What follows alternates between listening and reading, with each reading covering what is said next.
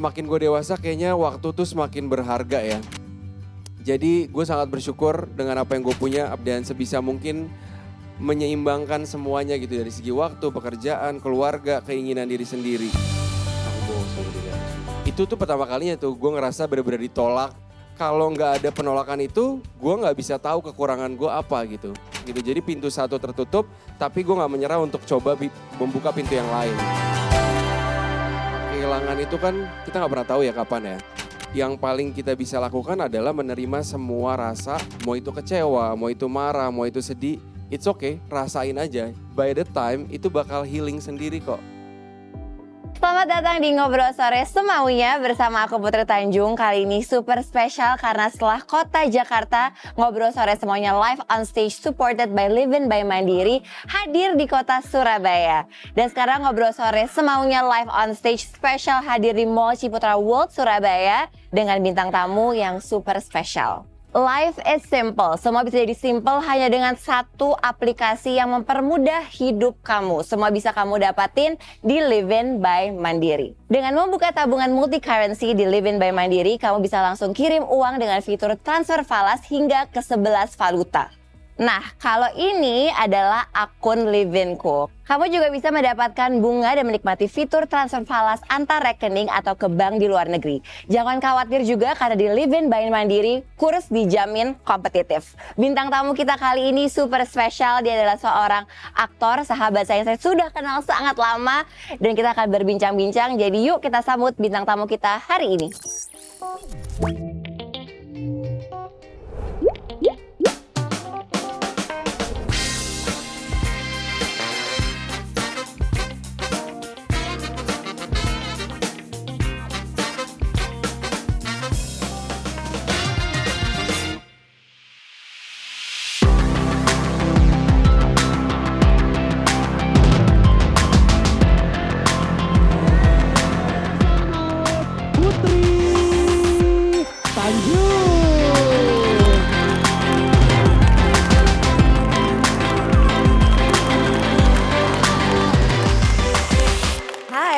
Assalamualaikum warahmatullahi wabarakatuh.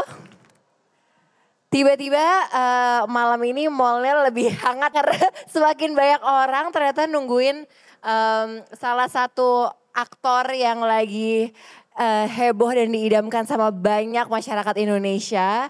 Eh, dan gue bangga sekali karena gue mengenal beliau sudah cukup lama dan sempat beberapa kali ada project bareng. Eh, jadi mungkin gak usah lama-lama ya, karena kita mau ngobrol sama siapa sih kita mungkin eh, bareng-bareng kita sambut dengan hangat. Please welcome Reval Hadi.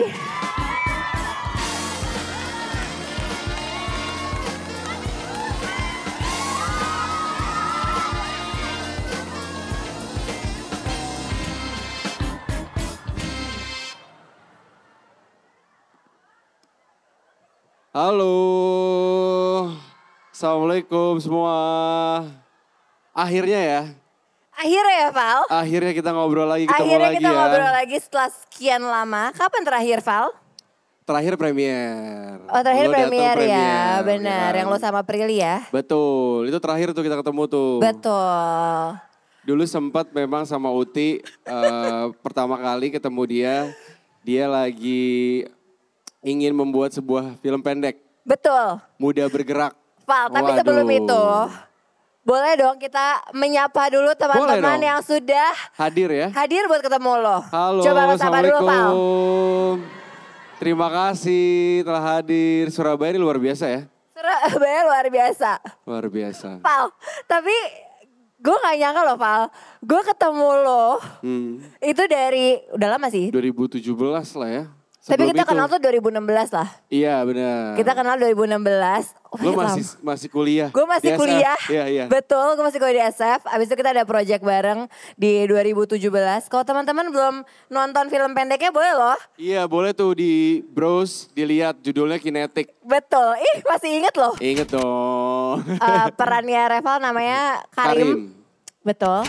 Dan itu salah satu short movie yang lumayan berkesan ya buat kita sangat berdua ya. sangat sangat Val. eye opening buat gue sih. Jadi dari awal ketika lo kasih tahu visi misinya dan kita melakukan dan kita ke sana. Itu di Karawang dan cuman dua jam dari Jakarta. Betul. Tapi Ini berbeda luar biasa banget. loh. Iya. Lo apa lo masih? Apal dong. Karena karena karena berkesan.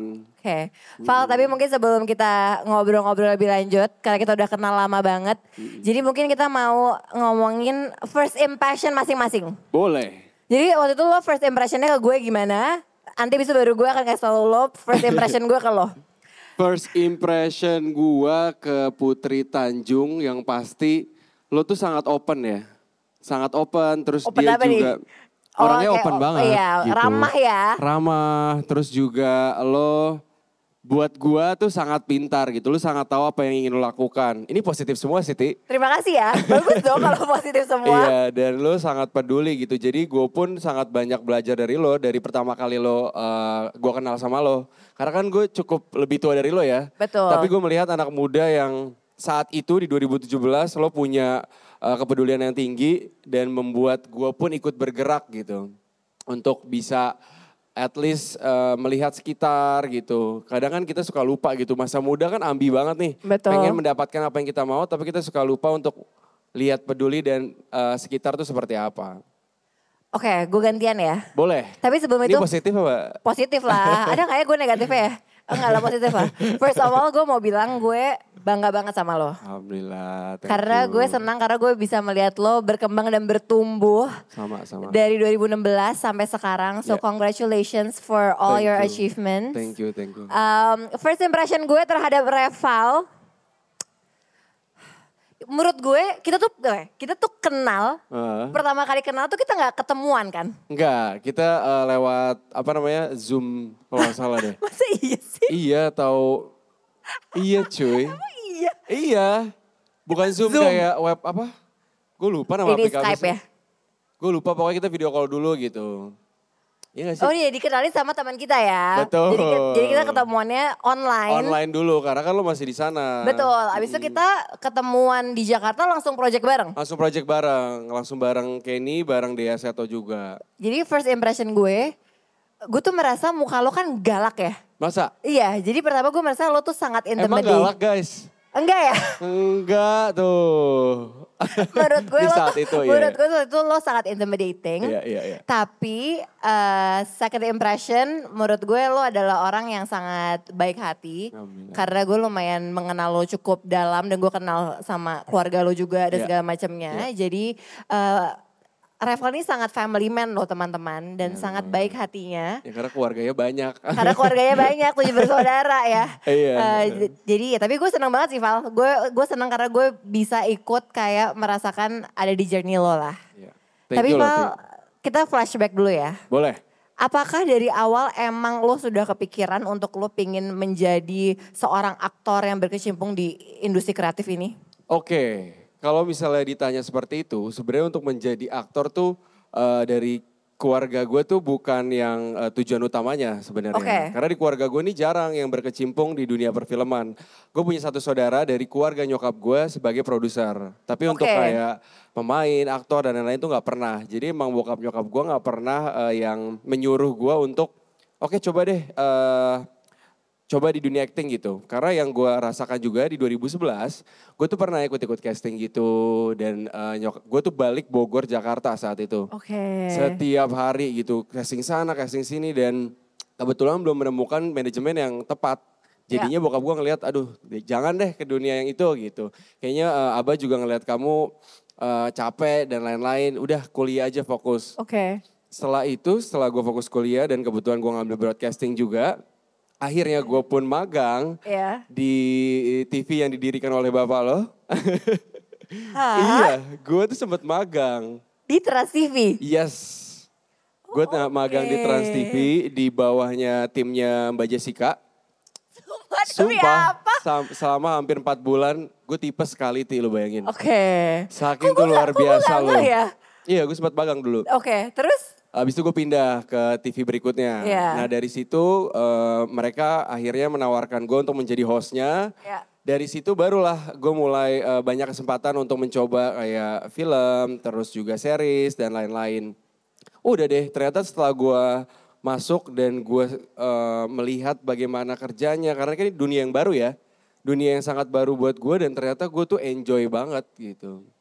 Lo enjoy banget ya? Sangat. Val? Karena gue banyak berubah dari eh, banyak berubah perspektif kehidupan gue melalui acting. Oke, what's the biggest perspective change? Eh, bagaimana gue bisa untuk em, melihat eh, kepribadian orang. Jadi gue nggak selama ini kan gue kalau ngelihat orang gue masih bisa kayak oh ya udah dengan sikapnya atau tindakan yang dia kasih tuh gue cuman kayak oh emang orangnya kayak gitu gitu. Tapi sekarang gue bisa lebih memahami apa backgroundnya dia atau Ya. mungkin apa yang telah dialami dia lewat eh, karakter-karakter yang gue temuin nih di project-project gue gitu. Seenggaknya gue bisa sedikit lebih memahami orang gitu. Oke, Val, kan pasti lewat karakter yang lo mainkan Hmm. dan semua journey lo di industri ini kan pasti banyak banget perjalanan dan pelajarannya. Banget. Tapi bukan cuma itu pasti juga banyak kegagalannya dan penolakannya. Oke. Iya gak sih Val? Banget banget. Apa ada gak sih satu kejadian penolakan atau kegagalan yang sampai sekarang tuh lo masih inget? Oke. Jadi kalau penolakan itu kayaknya setiap orang pasti nggak enak ya ngerasa ditolak gitu. Itu semua ketakutannya kita. Dan eh, sebelum gue masuk ke dunia acting, gue tuh pernah juga kerja sebagai financial planner. Oke. Nah di situ tuh ketemu orang banyak, gue mencoba untuk eh, menawarkan, de- eh, meningkatkan awareness orang soal kesehatan dan asuransi dan sebagainya. Itu tuh pertama kalinya tuh gue ngerasa bener-bener ditolak dengan yang belum dijelasin udah ditolak duluan gitu. Tapi entah kenapa kayaknya tuh kalau nggak ada penolakan itu gue nggak bisa tahu kekurangan gue apa gitu. Betul. Jadi gue bisa melihat eh, dengan penolakan itu gue bisa men- men- mencari tahu eh, kualitas diri gue lagi. Oke, gue ningkatin apa nih? Terus gue bisa apa untuk bisa eh, ke depannya nggak ditolak gitu. Jadi pintu satu tertutup, tapi gue nggak menyerah untuk coba membuka pintu yang lain gitu. Setuju sih karena menurut gue semua penolakan dan kegagalan itu adalah proses kita belajar kan Val? Iya betul. Um, dan biasanya justru itu kadang-kadang juga memberikan kita juga jadi semangat Iya. untuk kayak sedikit kayak, hah gue buktiin nanti gitu iya, gak sih? betul betul banget. Dan gue inget banget sih, gue masih inget banget percak salah satu percakapan kita di awal-awal. Hmm. Itu adalah sebenarnya soal ini. Iya. Lo pasti udah lupa ya? Lo lupa Agak- deh. agak lupa dikit Lo kan pasti udah agak lama, lupa, udah lama banget. Jadi gue inget banget 2015 kita sempat ngomong soal penolakan-penolakan ini dan gue inget banget kita sempat ngomongin bahwa yuk kita sama-sama menjadikan semua penolakan ini energi kita untuk Iya. kayak bukannya justru diam Iya. tapi semakin semangat untuk terus berkarya. Ya nggak betul sih Val? betul. Mungkin karena de- nggak dengan penolakan itu kita sebenarnya nggak tahu eh, dan nggak ingin menggali potensi diri kita. Jadi si penolakan ini menjadi wadah kita buat berkembang Betul. sebenarnya. Dan tadi lo bikin poin yang bagus banget menurut gue adalah gara-gara penolakan itu lo jadi tahu sebenarnya diri lo lagi kan. Iya. Val, apakah Reval yang sekarang sudah mengenal dirinya 100%? Eh, kayaknya kalau untuk mengenal diri kita 100% gue masih bisa bilang enggak. Karena kita selalu tumbuh, Betul. kita selalu berubah eh, dan pelajaran-pelajaran yang kita alami selama kita hidup tuh membuat kita lebih berkembang lebih baik lagi gitu. Jadi gue masih proses pengenalan diri gue, gue masih bisa memilah-milah eh, mana yang terbaik buat diri gue, mana yang bikin gue bahagia along the way. Tapi gue mau nanya, kalau misalkan kan tadi of course kita pasti berkembang. Jadi kalau mengenal diri pasti kita akan terus mengenal diri kita. Ya. Tapi apakah lo sudah berdamai Val dengan semua kekurangan lo, kelebihan lo? Oke, itu itu sebuah pertanyaan yang sulit untuk dijawab ya.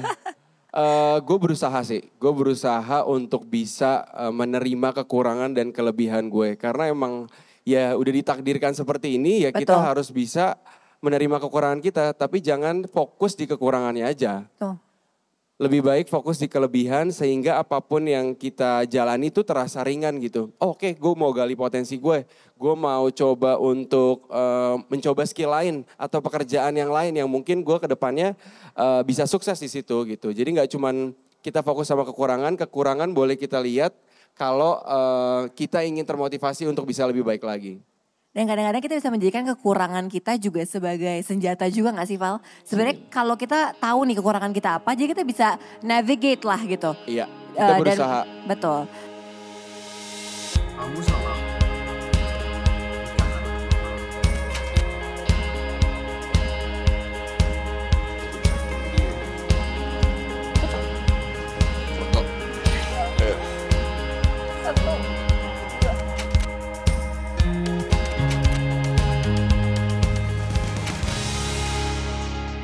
Val, tapi mungkin karena kita udah mulai agak serius nih ngobrolnya, udah sampai Iya. berdamai-damai.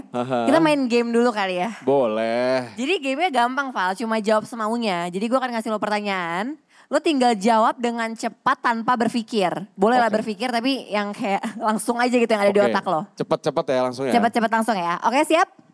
Lo jangan nih? nyontek ya Val. Enggak. Oke, hal pertama yang gue lakukan saat bangun. Eh, bengong. Oh gini, yang Pada pertama. bengong gak sih pas bangun? Enggak ya? Kayak itu gue doang dari Masa yang pertama lo kali lo lakukan pas lo bangun adalah bengong? Gue itu harus ada beberapa menit untuk diem dulu, untuk Oh, kayak ngumpulin meditasi. nyawa. Iya, baru gue bisa melakukan kegiatan lain. Dan minum air putih. Oke itu penting. Iya. Oke, barang wajib yang selalu lo bawa ketika berpergian adalah? Handphone lah. Oke betul. Hmm. Dompet lo nggak lagi? Sekarang apa-apa udah bisa di handphone. Betul. Seperti live in by Mandiri. Jadi udah bisa semuanya dari HP. Betul. Oke, hal yang selalu lo lakukan saat hari libur. Wah istirahat, terus eh, kalau bisa ketemu keluarga. Kalau enggak ya udah di rumah. Orang nggak banyak yang tahu kalau lo orangnya adalah Gua orangnya susah banget balas WhatsApp. Tapi kalau ditelepon ngangkat. oh itu betul. Iya. itu sama itu kesamaan kita. Sama ya? Iya nggak pernah balas WhatsApp. Iya betul, agak sulit tuh. Iya makanya kita nggak pernah komunikasi Val. Betul, karena telepon. karena sama-sama nggak ada yang balas WhatsApp. Betul. Oke, lo paling bete kalau menghadapi situasi seperti eh situasi yang di mana gue nggak punya kontrol atas itu. Hmm, Apa pun, bisa apa pun gitu. Kayak sebenarnya lu pengen banget untuk bisa memperbaiki atau lu bisa eh, in charge tapi lu nggak bisa, itu gue sebel Oke, ngerti. Berarti pandemi itu sangat sulit gak sih buat lo? banget. Karena lo nggak bisa kontrol apa pun Sama kan? sekali, betul. Tapi ya kita ngambil positifnya aja dari pandemi gitu, sebisa Betul. mungkin. Oke, next ya. Peran terfavorit yang pernah lo perankan? Nah, susah. Peran Gampang favorit lah, apa? gampang lah. Ya mungkin eh, dengan peran ini eh, menjadi banyak orang yang mengenal gue lebih banyak gitu. Peran eh, karakter Mas Bian mungkin. Oke. Iya. Kalau yang kayak personal, gue gue agak nunggu jawaban spesifik sih. Yang Rim. personal itu yang kemarin yang sekarang masih tayang di Indo dan juga di luar sih eh, ketika berhenti di sini. Oh iya, itu bareng sangat Prilly personal, ya. betul, bareng Prilly. By the way, congratulations loh for all the achievements. Thank you, thank you. Oke, Alhamdulillah. next question. Aktor yang lo look up to? Luar itu gue suka banget sama Johnny Depp sih. Oke. gue suka suka banget aja pesonanya dia, terus karakter-karakter yang dimainin, kehidupannya. Gue suka aja gue pengen someday kalau gue punya kesempatan pengen jadi dia gitu. Someday. Oke, kalau di Indonesia? Indonesia inilah cowok-cowok bukan Prilly. Eh, Mas Lukman Sardi.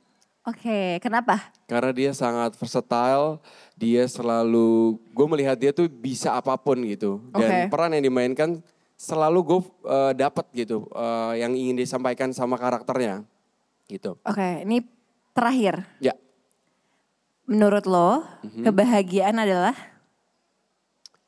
kebahagiaan menurut gue adalah bisa bermanfaat bagi orang sekitar kita.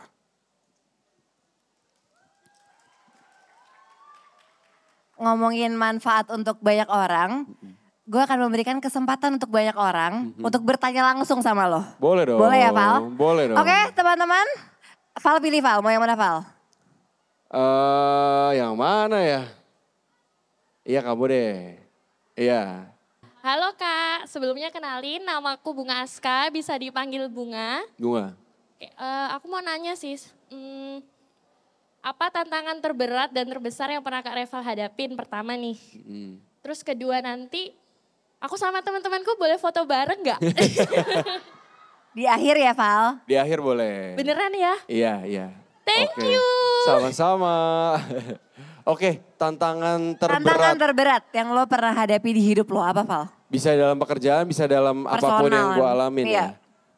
Oh, ini baru aja gue alami hampir tiga tahun yang lalu. Eh, itu kehilangan sosok ibu sih. Karena gue nggak pernah ngebayangin sebelumnya bisa ditinggal sosok yang begitu luar biasa. Jadi proses untuk gua bisa em, menjalani hidupnya tuh lumayan banyak eh, kendala gitu. Tapi memang ternyata untuk bisa bersyukur dan bisa menerima itu sebuah hal yang luar biasa buat gue. Sangat merubah eh, kehidupan gue. By the way, I'm so sorry for that. Ya, Dan gue mau follow up question boleh ya Val? Boleh. Karena kehilangan orang atau sesuatu itu kan hal yang selalu berat ya untuk manusia gitu. Apalagi kehilangan seseorang yang sangat berperan, sangat penting buat diri kita gitu. Lo boleh nggak Val sharing walk me through your grieving process dan gimana caranya lo bisa akhirnya mengikhlaskan semuanya? Oke.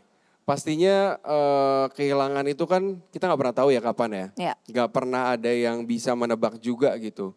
Dan ketika itu ketika itu terjadi, yang paling kita bisa lakukan adalah menerima semua rasa yang timbul. Mau itu kecewa, mau itu marah, mau itu sedih, it's okay, rasain aja. Jangan Ya. diblok.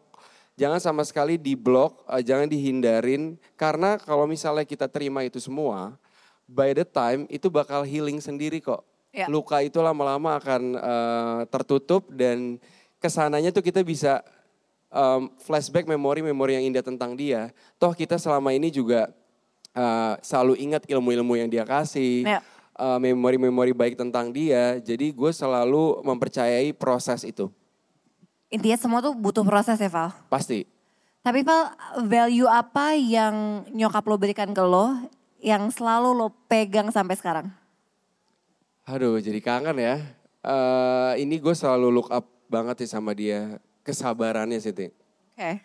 Kesabarannya yang gue bisa, eh, yang gue bisa sampai sekarang pun gue berusaha untuk menerapkannya, gue berusaha untuk melakukannya dan itu yang menjadi pegangan utama hidup gue gitu. Dia itu bisa banget eh, melihat segala sesuatu itu dengan sabar gitu, nggak perlu harus terburu-buru, tapi dipikirin, tapi juga dijalanin. Jadi banyak banget hal-hal yang eh, menurut gua, gua nggak bisa ada di posisi dia dengan sesabar itu, tapi dengan eh, gua melihat dia seperti itu, gue punya, eh, gue punya, gue punya apa namanya? Gue bisa menjadi diri gue yang sekarang gitu, karena melihat dia gitu Iya. dengan kesabarannya dengan contoh dia sabar situasi apa pun menurut gue bisa gue alamin dan gue gua lewatin begitu mudah jadinya Itu juga salah satu kekuatan yang nyokap lo berikan ke lo juga ya berarti Val? yes Oke, next question. Reval bisa dipilih? boleh eh ya kamu boleh Nama nama saya Adelia. Mau nanya hal apa yang bisa atau prinsip apa yang membuat Kak Reval itu bisa konsisten hingga saat ini dalam menjalani karirnya? oke Yang gimana bikin lo konsisten. yang bikin apa? gue konsisten ya mungkin kalau ngomongin soal konsisten itu adalah sebuah eh, kebiasaan Itu betul. itu kita harus eh, pupuk dari awal gitu. Nggak bisa awal apa namanya tiba-tiba kita jadi konsisten enggak. Tapi kita belajar untuk mengetahui diri kita, capable-nya kita di mana dan kita berusaha untuk membuat itu menjadi sebuah kebiasaan.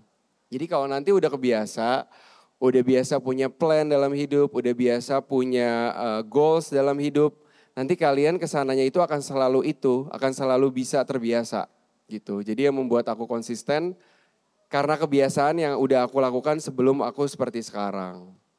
Gitu. Jadi kebiasaan ya Val. Itu itu dilatih kali ya Val ya? Dilatih, dilatih terus. Karena kan gue sebelumnya pun kayaknya nggak begitu aware gitu sama Ya. apa yang ingin gue capai, Ya. apa yang ingin eh, gue lakukan gitu dalam hidup. Tapi ketika gue dari awal udah tahu nih, eh, gue harus kayak gini, gue harus kayak gini. Oke, gue harus menata ulang eh, semuanya dari pertemanan, dari eh, Menarik. Dari eh, pola hidup gue, dari waktu tidur gue, dari ketemu temen di jam berapa, pulang jam berapa, Iya. itu semua harus dipikirin baik-baik untuk mencapai yang kita inginkan. Iya. Jadi internalnya pun lo pikirin juga ya Val. Karena itu paling Iya. penting sebenarnya kan? Iya sebenarnya itu agak overthinking ya sebenarnya. Betul cuman, sih. Cuman ternyata eh, kita ambil positifnya gitu. Berarti lo tuh eh, ulang tahunnya kapan ya? Gue lupa. Eh, Oktober gue. Berarti 24. lo zodiaknya? Oh. Ada apa dengan Scorpio? Kayak nyokap gue. Oh ya? Iya. Oke. Oke, anyway, Val, back to topic. Jadi tadi kan ngomongin soal konsisten. Apakah lo adalah orang yang suka banget membuat short term and long term goal atau lo kayak model yang udah let it go aja, gue punya satu, gue pengen achieve ini udah gue pokoknya ke situ aja gitu. Gue in between. Oke, menarik. Gimana tuh Val? Jadi gue punya plan eh, short termnya seperti apa, terus gue buat apakah gue bisa, kalau misalnya enggak pun oke gue terima. Jadi yang long term long termnya pun gue bikin, kalaupun eh, jadi ada banyak eh, plus minusnya dari dari yang gue inginkan itu. Plusnya apa, minusnya apa, dan kalaupun itu tidak terjadi, ya udah gitu. Gue nggak nggak muluk-muluk juga, nggak bikin jadi stres juga. Tapi intinya gue plan gitu. Dan kalau misalnya Oke. itu kesampaian, terkadang yang gue yang nggak gue plan justru yang membuat gue eh, lebih banyak kagetnya gitu. Oh kok ternyata yang gue gua selama ini rencanakan justru dikasih sama Allah tuh yang lebih bagus gitu. Makanya gue selalu eh, berusaha untuk let it go, tapi at least gue punya plan buat ke depan. Ya karena kadang-kadang tuh emang dunia ini suka mengejutkan kita kan. Sangat. Dan kadang-kadang itu suka kayak, ah itu bukan yang gue inginkan. Tapi ternyata itu sebenarnya yang terbaik juga buat kita. Betul, itu yang memberikan dampak eh, yang banyak di hidup kita gitu. Membuka, membu ya eye, eye opening lah gitu Iya. buat kita. Ya karena again sem- kita selalu akan punya rencana. Tapi kan by the end of the day ya Tuhan yang punya kehendaknya kan. Betul. Rencana dia lebih baik pastinya. Betul. Oke next question. Ti, lo yang pilih Ti, sekarang Ti, Oke. bantuin gue. Aku akan pilih yang paling belakang. Kita pilih Mana? paling belakang ya Val? Paling belakang, Kita boleh pilih dong. paling belakang. Oke, terima kasih. Selamat malam Kak Reval. Malam. Sebelumnya perkenalkan nama saya Tara.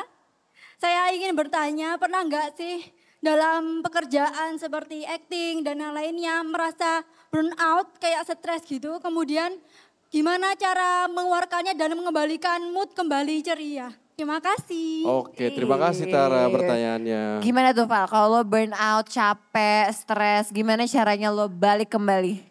Eh dulu gue sering banget tuh kayak gitu tuh. Sering banget dengan eh, schedule yang luar biasa padat, syuting yang pagi ketemu pagi. Terus lebih sering eh, meratapi kan, kok kayak gini sih. Tapi ternyata dengan gue meratapi dan burnout itu tidak menghasilkan apa-apa. Ya. Jadi gue eh, pinter-pinter untuk mengganti mindset gue karena ini sesuatu yang udah gue eh, terima di awal. Ya. Jadi gue ngomong ke diri gue sendiri, ini adalah ada banyak resiko dari pekerjaan ini, begini begini begini. Ketika itu terjadi atau bikin stres, gue sudah ngomong ke diri gue sendiri kalau gue bisa gitu. Ya. Jadi apa pun yang nanti terjadi dan stres, eh, balik lagi ke diri. Ini kan yang lo inginkan, ini kan yang lo mau, terima. Ini bakal lewat. Jadi pelan-pelan diterima, diproses gitu. Mungkin cari akti apa ya? Cari hal yang kita bikin happy gitu. Cari hal yang kita syukuri. Oh alhamdulillah gue masih dikasih kesempatan ini. Meskipun gue pusing, meskipun gue capek, tapi bersyukur banget sih akhirnya gue dapet gitu. Itu yang bisa bikin gue balik cepat. Oke. Jadi gue nggak fokus di hal-hal yang burnout atau bikin stres itu. Oke, jadi lo fokus di positifnya aja ya Val? Positifnya aja terus, itu penting banget Cuma kan soalnya. kalau misalkan apalagi gue tau banget lu dengan syuting lu dan segala macamnya pasti capek tuh pasti dong Val. Capek. Iya kan, capek tuh pasti ada capek. Burnout dalam arti kayak mungkin lo stuck secara creatively mungkin juga pasti akan sering terjadi. Sering terjadi. Biasanya ngapain Val? Yang ampuh tuh lo bisa ngapain? Gue cari waktu untuk sendiri. Oke. Gue cari waktu sendiri, gue bisa entah gue nonton, entah gue telepon kakak gue, entah gue ketemu eh, binatang peliharaan gue. Itu aja Iya. cukup membantu untuk gue rilis. Jadi banyak banget diri kita tuh cari hal yang paling bisa bikin kita rilis, apa pun itu. Cari hal yang bikin kalian bahagia, simple things aja gitu Iya, yang itu bikin penting banget sih. Iya. Simple things. simple things yang bikin kalian kalian untuk bisa jadi eh, balik lagi gitu, moodnya baik lagi gitu.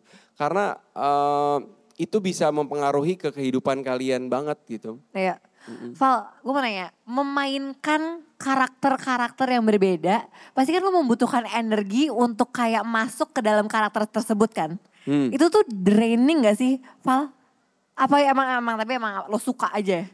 Draining pasti, Oke. tapi gue tuh lebih suka kayak itu kayak main puzzle ti. Oke. Jadi gue suka menerka-nerka. Ini dia pola pikirnya seperti apa, sikapnya kayak gimana, kepribadiannya gimana. Mungkin gak ya dia eh, melakukan hal ini. Kalaupun dia melakukan hal ini reaksinya seperti apa. Jadi di awal tuh prosesnya itu yang gue nikmatin banget, Ti. Meskipun stres, meskipun di luar dari zona nyaman gue, tapi gue tuh berusaha untuk bisa eh, capai itu gitu. Oke. Karena gue suka prosesnya, gue enjoy banget prosesnya. Kalau misalkan secara kayak acting method gitu Val, lo ada gak sih kayak metode-metode khusus atau gimana? Gue nggak sih. Oh lo gak ada ya? Gue nggak ada. Gue berusaha untuk ya deliver apa yang eh, director butuhkan gitu Iya. dengan jalan cerita yang dia sudah tentukan. Ya gue berusaha untuk deliver itu gitu. Paling ya kasih waktu gue untuk bisa eh, membangun emosi aja. Val, gue pengen tahu perspektif lo soal dunia perfilman. Hmm. Waktu lo masuk awal-awal, lo berarti tahun berapa ya Val ya? Gue sebenarnya masuk di 2016. 16 ya. Sampai sekarang, what's the biggest change di Eh, industri kita? Menurut lo pribadi, dari perspektif lo? Sekarang lebih banyak ya. Gue melihat bahwa dengan adanya streaming Ya, itu membuka peluang untuk orang-orang bisa menikmati karya-karya yang begitu beragam. oke. Jadi banyak kesempatan buat eh, direktur muda, dari produser muda, dan kita pun bisa memilih eh, mana tontonan yang menurut kita bagus atau enggak gitu. Jadi persaingannya pun makin ketat. Oke. Setiap orang bikin film gak cuman eh, mikirin rilisnya seperti apa, tapi dia mikirin juga gue mau kasih apa, dampak apa yang gue bisa kasih. Lebih kayak gitu sih itu yang gue lihat sekarang. Oke tadi lo bilang secara kompetisi kan juga semakin ketat ya Val. Iya, iya. Tapi kalau di industri kreatif nih menurut lo, Hmm. Kompetisinya sehat gak Val? Tergantung kita ngambilnya seperti apa. Oke. Sehat nggak sehat balik lagi sih. Cuman gue sih selalu, gue nggak tahu kenapa ya, gue selalu nyari sisi positifnya dari segala hal gitu. Karena itu doang yang bisa gue lakuin. Dan itu mungkin hidup lo jadi lebih lebih gampang kali ya? Lebih ringan ti, Iya. lebih ringan, nggak terlalu banyak eh, berpikir keras. Jadi apa pun yang gue lakuin tuh gue selalu melihat sisi baiknya aja. Meskipun kadang ngerasa, aduh pengen banget nih ber- eh, mengeluarkan eh, amarah-amarah atau emosi-emosi. Tapi balik lagi ketika dikeluarkan kayaknya nggak bakal jadi apa-apa deh. Ya udah tinggalin aja gitu. Kalau secara karir nih Val, what's next? Ada nggak kayak peran yang lo pingin mainin atau apa lagi nih yang checklist-checklist yang belum lo cek? Banyak sih sebenarnya. Cuman kan memang gue juga sadar diri gue kalau misalnya gue eh, belum dipercaya untuk eh, diberikan kesempatan untuk memainkan beberapa karakter gitu. Jadi ya setiap ada kesempatan yang ada pastinya gue akan maksimalkan di situ. Tapi gue nggak muluk-muluk untuk eh, pengen banget nih untuk bisa meranin ini gitu. Jadi itu lucunya dulu pernah gue ngomong kan di 2018 gue ngomong kalau misalnya gue pengen banget meranin karakter psikopat. Oke. Dan akhirnya ada yang melihat itu dan memberikan gue kesempatan itu gitu. Meskipun gue agak sebenarnya sedikit menyesal karena susah banget. Susah ya memainkan seorang Betul. psikopat. Betul, tapi eh, ternyata gue bersyukur gitu kalau gue nggak nggak punya pengalaman itu mungkin gue nggak bisa tahu apa yang dibintru si karakter. Tapi untuk sekarang eh, pastinya gue eh, pengen banget bisa memerankan karakter-karakter yang berkebutuhan khusus kali ya. Oke. Gue pengen banget untuk ada di hidupnya dia, di kepalanya dia, ter- keterbatasannya seperti apa dan itu tuh gue pengen banget mendalami itu gitu. Gue pengen tahu eh, gimana cara dia berpikir, gimana dia caranya untuk semua-muanya gitu. Gue pengen banget tahu sih. Ya karena again kalau lo memerankan sebuah karakter tadi ya, lo tuh bener-bener pingin kayak masuk ke dunianya banget ya. Jadi Dan lo kayak suka, bisa, iya. kayak lo bisa hidup gitu sebagai orang itu kan. Iya, Nah itu sebenarnya serunya acting kali ya. Lo jadi kayak bisa menjadi banyak orang gitu. iya. Gue gue gue pengen tahu isi kepalanya seperti apa gitu. Lo udah gak cerita kayak ada gak mungkin karakter yang pernah lo mainin. Hmm. Terus kayak karakternya si si orang ini gitu ya. Akhirnya kayak lumayan stay di lo gitu. Ada gak? Dibilang lumayan stay enggak, cuman jadi gue pernah memerankan sebuah karakter yang eh, jauh berbeda dari kepribadian gue. Dia seorang dokter, eh, meskipun dia dokternya dokter yang melakukan malpraktek gitu. Oke. Karena dia memiliki trauma kecil, jadi dia itu eh, kehilangan ibunya saat lagi ada di pelukan ibunya. Jadi hal terakhir yang dia ingat adalah detak jantung ibunya gitu. Akhirnya saat besar itu dia obses dengan detak jantung.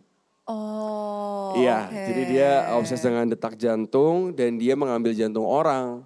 Nah, proses itu gue harus mengurangi empati gue.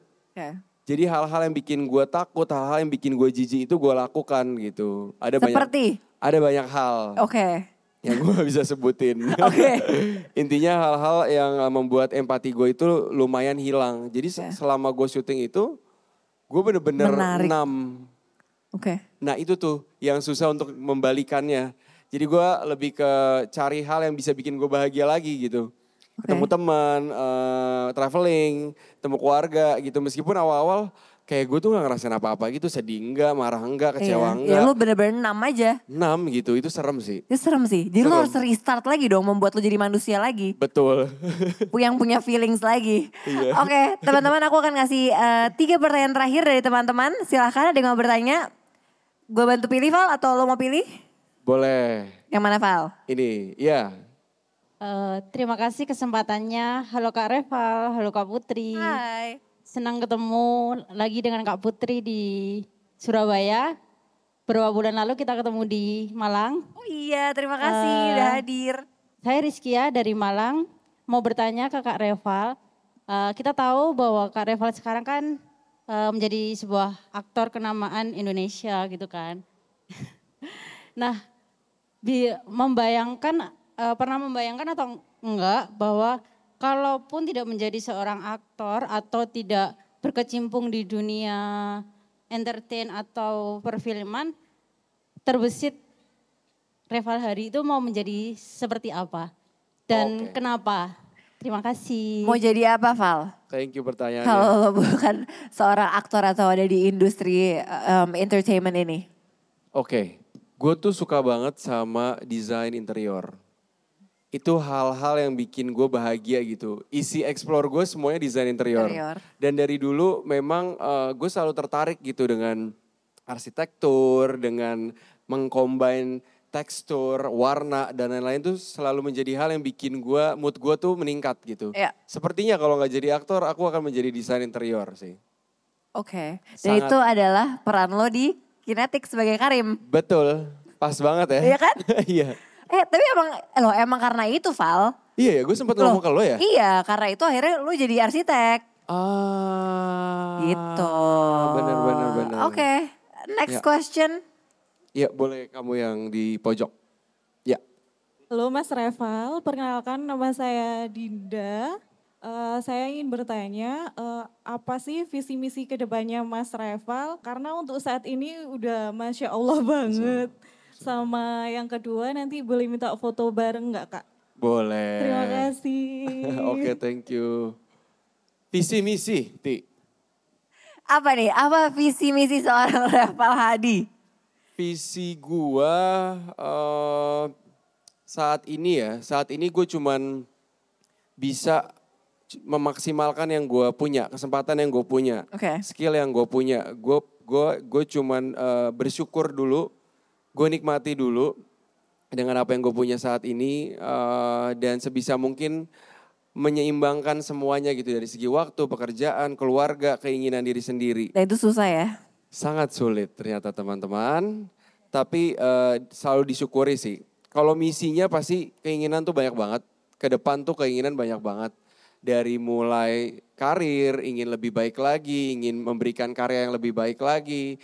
Terus juga personal hidup, tujuan hidup gitu. Udah ingin sekali punya pasangan tentunya. Amin, kita doakan bersama ya.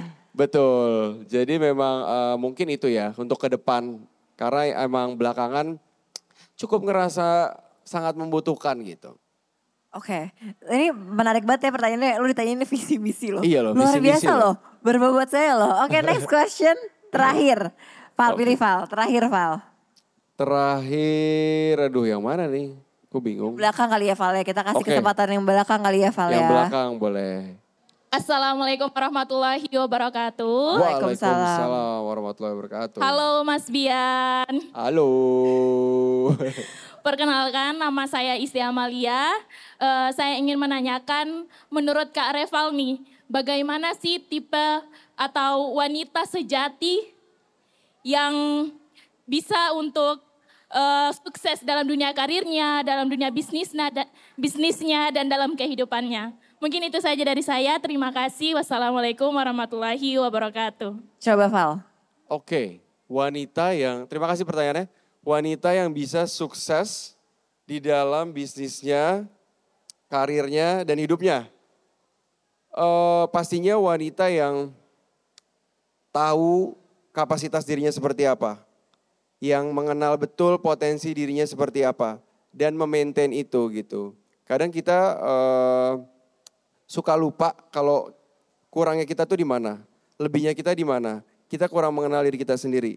Dan orang yang biasanya sukses di bidangnya, itu dia sangat memahami betul apa yang dia miliki. Apa kekurangannya. Untuk menyeimbangkannya itu sama seperti kita semua gitu. Menyeimbangkannya itu yang sulit. Jadi kalau menurut aku orang-orang yang gak gampang menyerah. Orang-orang yang eh, mudah beradaptasi. Orang-orang yang selalu ingin belajar. Itu adalah kunci eh, sukses seorang wanita dan pria pastinya. Dan kalau gue tambahin konsistensi juga perlu sih ya Val. Konsistensi, betul. Ya karena emang gak gampang juga kadang-kadang kita juga harus eh, butuh tahu diri kita juga. Ya. Karena dengan kita lebih mengenal diri kita, kita akan menjalankan apa pun itu jadi lebih gampang sih. Betul. Dengan gak gampang menyerah ketika kita ada penolakan atau kesalahan, Betul. kita terus mau belajar, terus Betul. mau mencoba. Betul, karena kalau enggak ya kita nggak akan berkembang kan Val. Betul.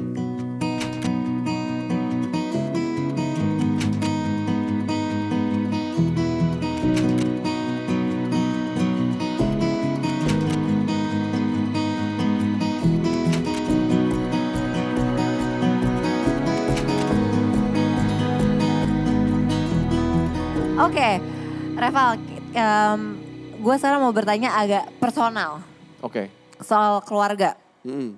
Lo kan tujuh bersaudara ya. Tujuh bersaudara. Ah, gimana sih rasanya menjadi anak bungsu?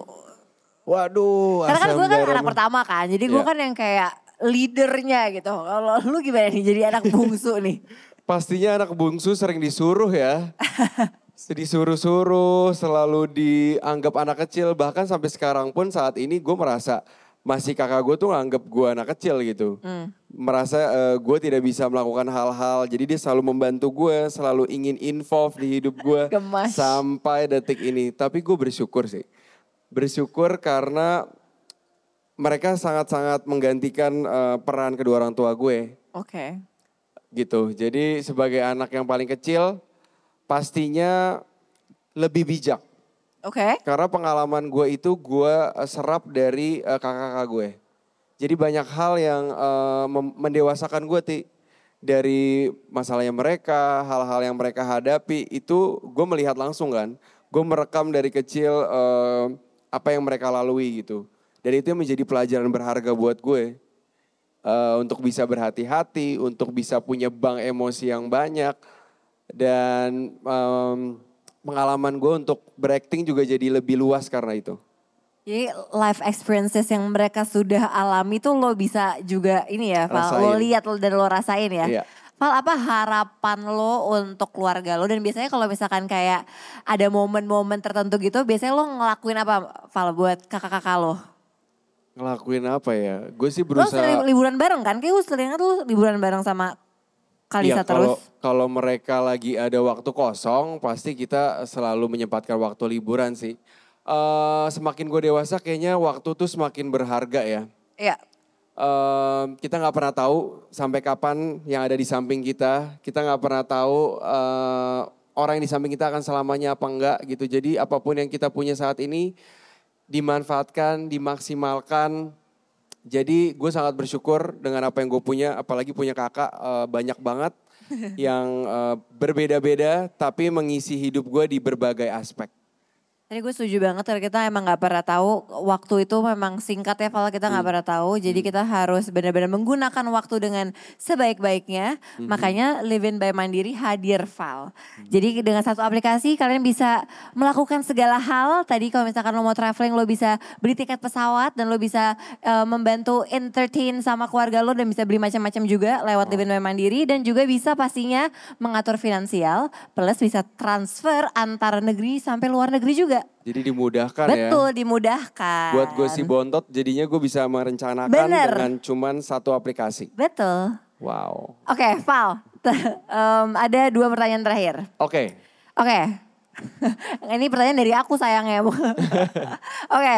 em, Val, pertanyaan terakhirnya adalah menurut gue definisi sukses itu selalu berubah-berubah. ya. Eh, dan emang kita bertumbuh, kita evolve ya pasti beda-beda gitu kan artis sukses. Nah untuk Reval Hadi sekarang artis sukses buat lo apa Val? Artis sukses buat gue. Wah berat ya. Karena kesuksesan itu eh, nggak bisa dilihat dari materi juga. Setuju. Itu lebih ke pengalaman atau apa yang kita bisa berikan ke orang lain. Atau ada beberapa tahap di diri kita yang kita udah lewatin kita merasa sukses gitu. Jadi sukses menurut gue adalah gue bisa tetap keep going. Gue tetap bisa selalu termotivasi untuk eh, memberikan yang terbaik. Untuk bisa ada buat keluarga gue. Itu adalah definisi sukses buat gue. Oke pertanyaan terakhir dan ini pertanyaan yang gue selalu tanya ke semua narasumber gue. Kan obrolan kita akan stay selama-lamanya di YouTube dan platform kita, CXO Media. Kalau misalkan lima tahun lagi, Val, lo iseng, lo nonton lagi episode kita hari ini. Oke. Apa yang Reval sekarang ingin sampaikan ke Reval yang sedang menonton lima tahun mendatang? Ceritanya Reval lima tahun mendatang lagi nonton nih. Berarti lo umur berapa tuh Val, lima tahun lagi Val? Lima tahun lagi gue umur 35. 35. Eh, tua ya gue. Apa yang Reval Eh, sekarang ingin sampaikan? Gue ingin menyampaikan terima kasih. Terima kasih telah eh, berjuang sejauh ini. Terima kasih telah em, selalu tahu hal-hal apa yang gak disukain, hal-hal apa yang bisa eh, melukai gue pribadi gitu. Thank you udah selalu ada karena penting banget untuk kita mengenal diri kita dan selalu nge-backup diri kita gitu. Thank you. Kita beri tepuk tangan buat Reval Hadi. Val, thank you so much udah nyempetin waktu untuk ngobrol-ngobrol. Gue tahu waktu lo sangat sulit. Jadi gue sangat senang akhirnya gue punya kesempatan untuk bisa mengundang lo di podcast gue. Gue juga terima kasih banyak udah dikasih Eh, kesempatan. Gue cuma mau bilang gue bangga banget sama lo dan senang banget bisa melihat lo yang sekarang dan semoga lo selalu diberikan kesehatan dan keberkahan always dan Gitu. terima kasih untuk teman-teman yang sudah nonton dan ini adalah episode terakhir dari rangkaian em, ngobrol sore semuanya live on stage supported by Live In by Mandiri. Jadi terima kasih banyak teman-teman yang semua yang sudah hadir kita sudah ke tiga kota. Terima kasih. Kita udah ada di Jakarta, di Solo, dan di Surabaya. Dan terima kasih banyak. Reval terima kasih loh sudah menjadi penutup manis rangkaian eh, kita.